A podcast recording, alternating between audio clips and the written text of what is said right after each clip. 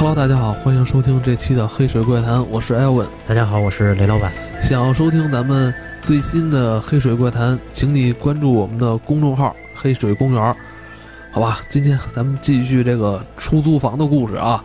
嗯，上一期啊，咱们跟老雷聊了一下他姐们儿在出租房时候的一些遭遇。对，嗯，我是听得意犹未尽啊，嗯我也特别喜欢这种有关，算是凶宅吗？这应该算是，这不算凶，不算凶宅，凶宅，嗯，这不算凶。嗯，但是这个屋子里边可能是有过这种自杀的事件出现，对对对有往生者在这里边。有往生者，对往生者，对对对。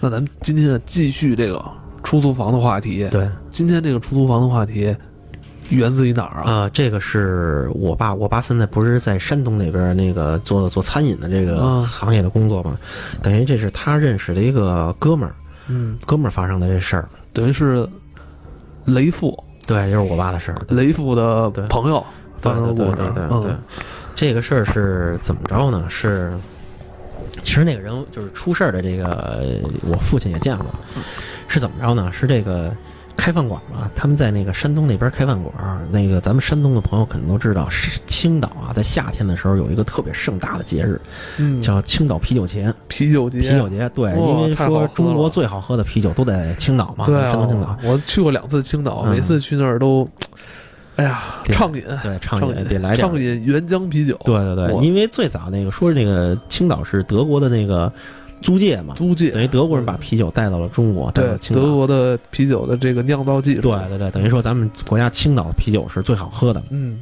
嗯。然后呢？还就是说哈尔滨，对。哈啤也不乐意了，燕京也不乐意了，那你都有各有各的好嘛，各有各的各有各的好。嗯。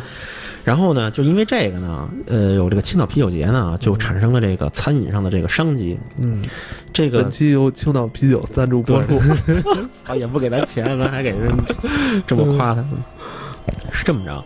让我想想啊，这事儿怎么跟大家聊啊？嗯这是这个一个大哥大姐啊，这么说吧，这大哥呢是跟大姐在东北啊有一个小卖店儿、小食品店儿，嗯然后呢生意呢不能说是大赚吧，反正这个多少能有点积蓄，还不错还不错，啊。通过呢别人呢在聊天的过程中呢，就知道了这个说这个青岛这边有这商业机遇，嗯说呢那大哥说呀拿了十万块钱啊，嗯说来咱们这个青岛啊十多万块钱，然后呢跟这个之前认识的一个大哥呢入股弄一个饭馆儿，这是哪年的事儿？十万就想入股饭馆儿，不贵，十万块钱差不多。是吗？那个那个饭馆儿剩下的钱还都是另外一个还有人呢，就是哦这这这一个饭馆有俩老板，嗯，一个特别大的老板，一个啊特别小的老板。这是哪年的事儿啊？呃，两年前三年前吧。哦啊，然后呢，呃，说这个，哎，还不是两年前、三年前，就是好像一年前、一两年前的事儿啊。哦，说这个是怎么着呢？来开这饭馆呢，等于是呢，呃，我爸跟那个饭馆的老板不熟，但是那个老板手底下有一个人，那个老板一共有在那边有三家店，这其中这是一家店，等于是这这一个这一家店的股份百分之七十是那大老板的，百分之三十是那个这等于是小老板的。嗯小老板跟这个那个大老板的经理，也就是我爸这朋友，特别好。那经理在这儿看这个店，他呢也是一个股东嘛，在这里边也看着这个店，俩人看这个店。嗯然后呢，呃，效益不是特别好，因为随着这两年咱们国家就是这个对这个。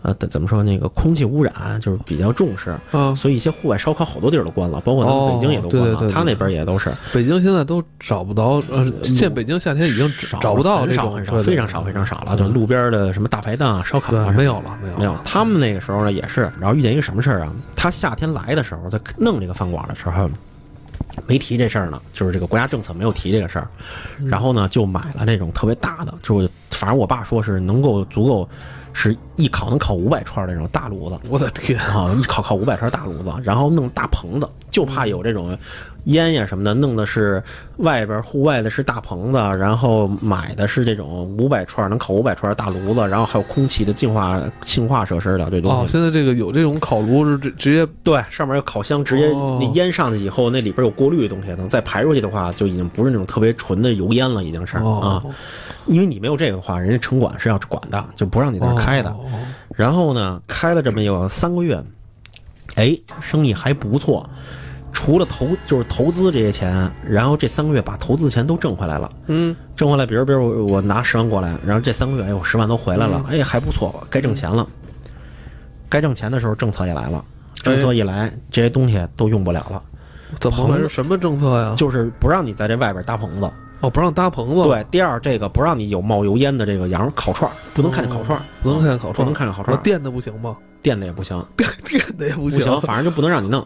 哦，等于这东西等于就是后来就是这怎么办？就靠这个挣钱呢，嗯，就靠这挣钱呢，那没办法，就必须得得就就就就就就给卖了。后来，卖了吧，那就然后发生一件什么事儿呢？就那大姐不是在东北那边开着小卖店呢吗？嗯后来这几个月呢，开始说挣得好，然后怎么又挣得不好，等于这夫妻之间啊有一些不和谐。嗯等于这这大姐呢，就是一直以为这她这老公在青岛啊，因为前几个月都说不错不错，怎么着怎么突然该挣钱了，怎么着又不那什么呢？说是不是怀疑那个外遇，外遇了？对，啊因为养小三儿对，一有钱又有小三儿什么的，然后她那个她这老公呢在那儿呢，也反正不是特别的这个心情也不是特别的顺，嗯，然后大姐说就非得要去青岛跟他一块儿过来，然后等于咱们这集讲的就是一个，嗯，夫妻之间感情的问题。对这是就是本集呃最恐怖的地方。对对对，咱们今天其实是第三调解室，啊，这在特点是，对，然后呢，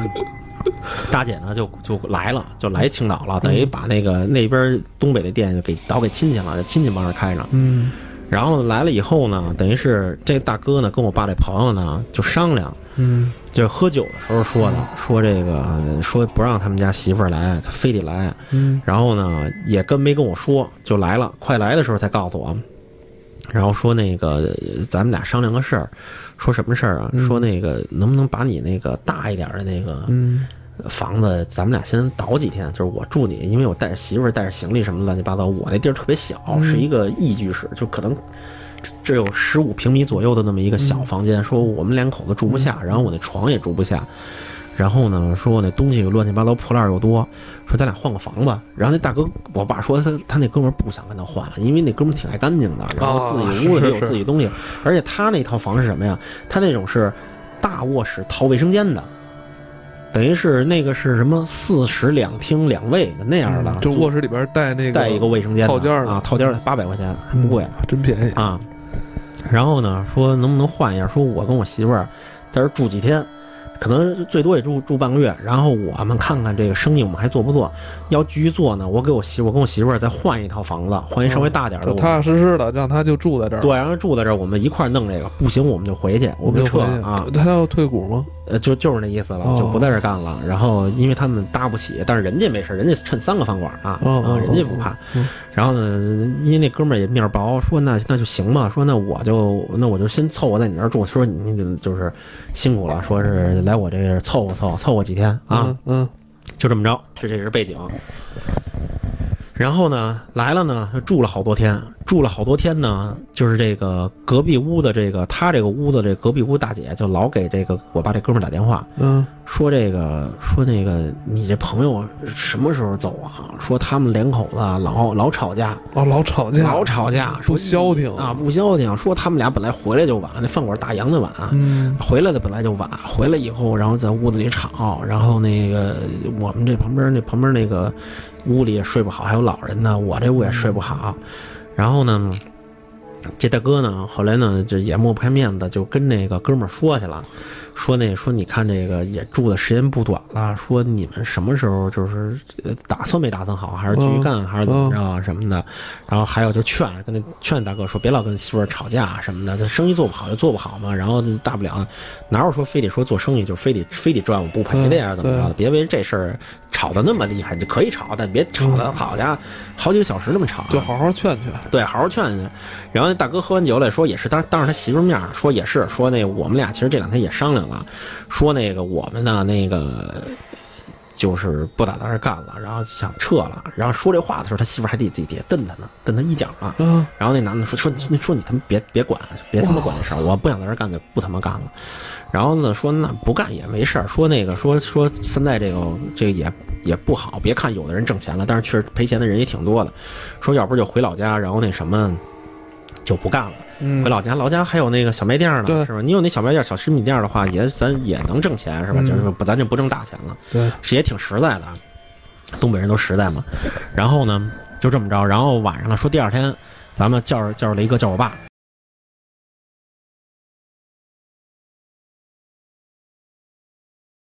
爸，然后叫着几只平时老见面的几个哥们儿，咱晚上喝点酒。那喝点那个雷哥也是入股吗？就我爸不是，你爸爸是在那个那个大老板另外一个饭馆里边儿他盯着的啊，但是都是朋友，都认识。都朋友都朋友，因为他那大老板有三个饭馆嘛，嗯这几个饭馆的嗯嗯嗯经理什么都就互相认识。然后呢，呃，叫着一块儿吃饭，就是说过两天可能就走了。嗯然后呢，叫一块儿吃饭。吃饭呢，后来我爸呢，就那我爸身体也不好啊，糖尿病，喝不了，心脏也不好。然后呢，哦没喝多久呢，就喝的从五点五点半开始，还不到八点呢，我爸就撤了。然后呢，就回去休息去了。然后他们几个呢，一直喝到几点？喝的得有十点多钟了，十一点了。喝挺晚的，喝挺晚的了，喝挺晚，差不多撤了。说那两口呢，那媳妇倒没喝，然后呢，就是两个人打车回去了。然后他这边呢，骑着自行车，骑着电动车就能回他那个，嗯这房子还没换回来呢。首先嗯就回那个他这个这个就小一点的那个房子了。等于嗯他那个这故事的主人公呢，这两口子就坐出租车了，嗯，走了。就回到这个这男的他本来住那，小的本来房子里了，那对那房子里了。然后呢，晚上就接着电话了，是医院来的。啊，说这个出车祸了，得赶紧过来。说这手机里边第一个电话是你的，就给你打电话。给谁呀？给谁打的？就是这两口子不是打车走了吗？啊，给那个另外就是我爸这哥们儿打电话。哦哦，啊就刚开始劝他们俩别对对架的，不吵架那哥们儿。哦，然后说又说怎么了？说那个你认不认识这个这两个人啊？他说认识啊。说出车祸了，赶紧来趟医院吧。他说啊，严重不严重？他说挺严重的。所以说，要不然你认识家属，联系一下家属。我天，然后这大哥就去医院了，去医院以后发现呀、说这人呢出来的时候有一个已经不行了，另外一个什么盆骨、什么脊椎全骨折了，然后盆骨还大出血，就这点儿就大出血。说一有一个已经不行了，就已经可能都进推太平间里了，哦然后给他们家属打电话。就是，然后又给他们垫钱、垫医药费，乱七八糟，我垫了不少钱。首先，然后还那个给家里打电话，交通队，然后那个司机赵世芳，赵世芳是一个大货车，嗯，大货车追尾的一辆出租车，给出租车后边都撞没了，我天，这大货车夜里是走什么路啊？没刹住车，根本就前面那个红灯儿，然后大货车没刹住车，就直接给前面车给撞顶瘪了，给就给那车，然后呢，司机也都在，然后处理这事儿，一直处理到早上起来六点多，六点多他是为了拿他这个这这个人这个遇难夫妇的这个证件。等于早上起来，这俩人就都已经去世了，然后回都没整，都没有没抢救过来，对，都没抢救过来，太惨了，说是都撞碎了，都快。回他那出租房，那出租房不是借给他了吗？就借给这两口子了吗？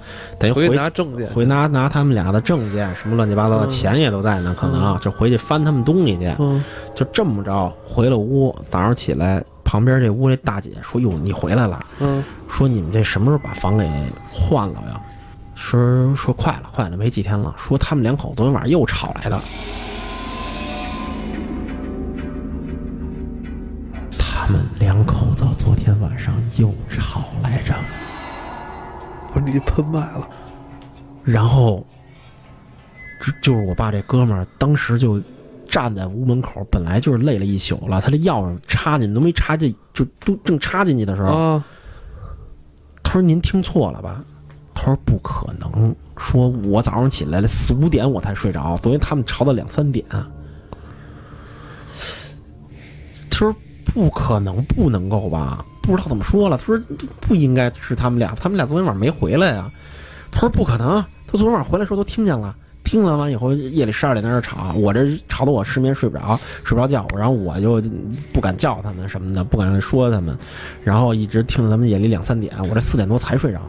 我操，我操！然后当时就，就就那整个人都木讷了，然后把门就开开了，开开了以后还得该找什么东西找什么东西，给人收拾这东西他，他这这时候你这大这个这大叔也发毛了吧？这个毛了，整个都毛了。后来跟我爸讲这事儿，我爸是鸡皮疙瘩都起来，因为我爸去过那儿，嗯去过那屋子而你爸当天晚上也是跟这个两个遇遇难者也一起吃的，吃着饭哦啊，然后吃着饭喝的酒。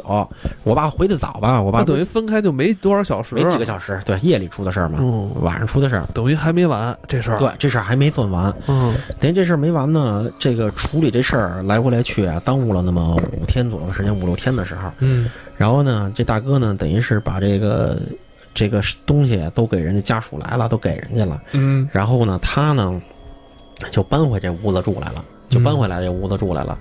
然后呢，那天正好是头七，那是头七的时候，当天就是才反应过来，又，说都去世七天了，来回来去嘛。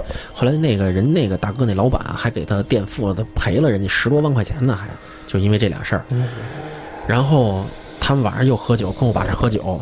然后呢，我爸那天呢也是怎么着，不知道为什么多喝了一点儿，喝的得有八九点钟的时候，嗯然后就撤了，就算了。然后呢，那大哥呢，等于还是骑着电动车回这个，就是他这住的地方，嗯是怎么着啊？当天晚上说到了家的时候是十点半的时候，嗯。他把电动车搁在地下一层的停车库，嗯。把车停好了以后，然后说站在那个地下一层的这个电梯那儿，嗯。就就是他一进电梯，他一抬头一看，哟，说这个他这二十二层还是二十三层啊？就是他这层要去这层亮着呢，嗯。然后他就没摁，就也没多想嘛，那喝了点酒嘛，然后他就摁这开关，摁这开关，怎么摁这开关呢？这门就嗯关一点儿又开开了，就关一点儿又开开了，他就直接使劲摁住这开关，然后那电梯门，嗯，然后他就伸手去挤这电梯门去了，想赶紧干，挤了一半，那电梯门、嗯、又开开了。他挤什么人还没上完呢？对呀、那嗯大哥当时就说了，说上不上啊？就是张张嘴就说了一句，说到底上不上啊？不上还不让我上了，操！说了这么一句，然后他出门了，出门了以后干嘛？出门他不上了？就往那边走还一电梯呢，等于这个哦这是那种那种板儿楼似的，明白明白。这边还一电梯呢嗯。也能上，就是还得往回走。嗯。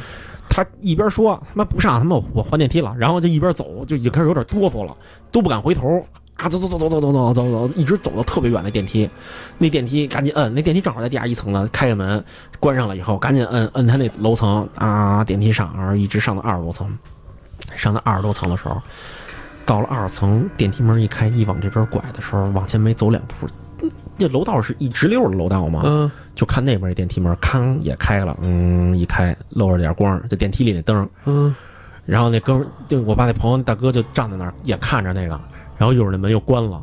那大哥说，当时我都不知道我要回不回家了都，说谁先前脚进后脚进好像都不太合适。就当时在那站了一会儿，万一遇见了多尴尬呀！对，站了一会儿，后来就就反正说往家赶紧赶紧跑，嗯赶紧跑就开门就赶紧开门就赶紧锁上了，就嗯撞上了，就赶紧回屋了。然后至此这个事儿才结束的。啊、说那天晚上给吓坏，就当天晚上还给我爸打电话，但是我爸有点喝多了，后来就是说了几句，把这事儿挂了。第二天才跟我爸说的。我爸回来前两天陪我爸喝酒，我爸给我讲的。哦，幸亏你们家没电梯，我还得回去呢。